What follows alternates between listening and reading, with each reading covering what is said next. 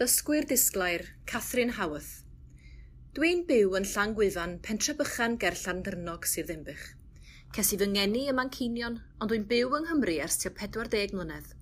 Symudais i Gymru yn yr 80au i fynd i astudio i'r Coleg Normal ym Mangor. Astudiais efrydiau amgylcheddol efo cymhwyster uwchraddedig mewn addysg cynradd. A thrawes oeddwn ni yn Ysgol Licswm, Sir y Flint, am dros 30 mlynedd, a dwi wedi ymddeol fel pennaeth yno ers mis Rhagfyr 2019. Nes i ddechrau dysgu siarad Cymraeg saith mlynedd yn ôl, pan ges i gyfle anhygoel i fynd ar gwrs sabothol athrawon cynradd, tri mis allan o'r ysgol i dysgu'r iaith.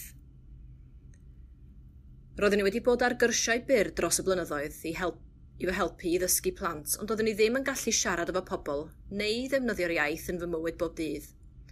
Ar ôl dau ddiwrnod o'r cwrs, wnes i sylweddoli y medrwn ddweud beth yr oeddwn i eisiau dweud. Roeddwn i ar y ffordd. Ar ôl i'r cwrs dod i'r ben, Wnes i gario ymlaen efo dosbarthiadau wythnosol, neu gyrsiau un dydd efo Coleg Cambria a Popeth Cymraeg yn Umbych. Sefais arholiadau sylfaen a chanolradd, ac ar hyn o bryd dwi'n gwneud cwrs lefel uwch. Dwi wedi mwynhau dysgu am y diwylliant Cymraeg a hanes Cymru yn ogystal â'r iaith, Mae pob tiwtor wedi bod yn amneddgar a chefnogol i fy helpu ar y daith tuag at fod yn rhugl.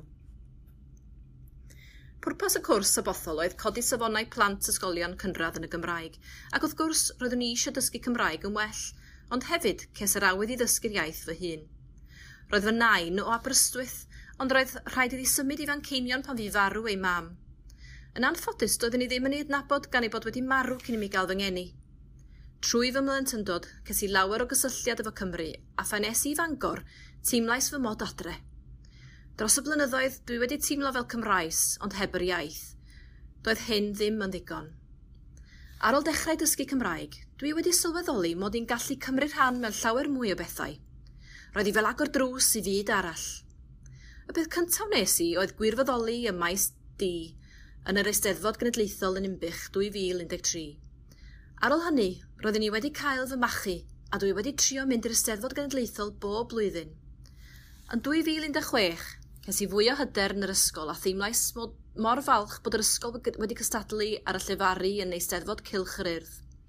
Roeddwn ni'n gallu siarad â rhieni yn y Gymraeg mewn digwyddiadau fel diolchgarwch, cyngerdd nadolig a mabelgampau. Dwi wedi methu'r eisteddfodau llynedd, ond wedi cymryd rhan yn yr eisteddfod amgen. Roedd yn rhan o drafodaeth efo'r tiwtor Cymraeg a'r awdures Peggy Talfryn am ddarllen a sut mae darllen yn helpu pobl i ddysgu Cymraeg. Mae fy ngŵr a fi wedi mwynhau teithio dros y blynyddoedd. Oherwydd ein gwaith fel athrawon, dim ond yn ystod mis awst y gallen ni ymweld â lleoliadau tramor. Roedd hi'n amhosib mynd i hemisfer y de tan yn ni ymddeol.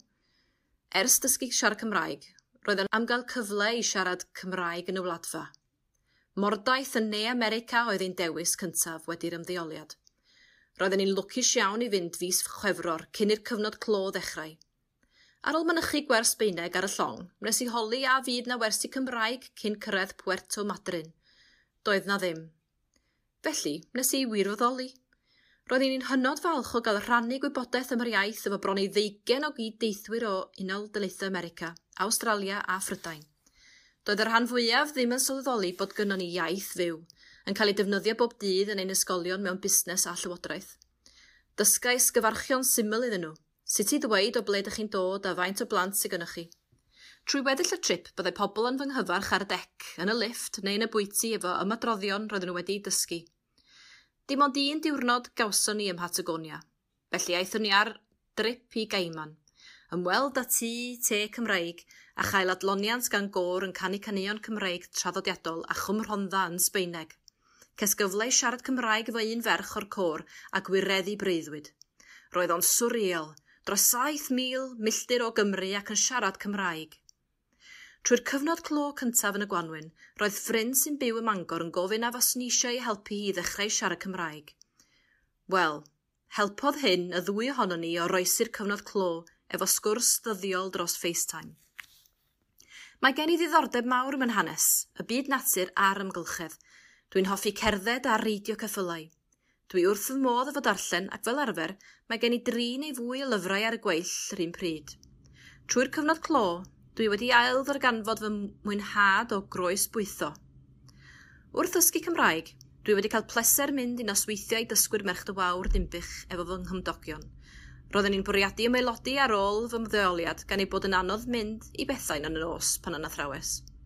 Dwi'n mwynhau darllen y wawr yn fawr iawn ac yn edrych ymlaen at fod yn aelod o Ferched y Wawr.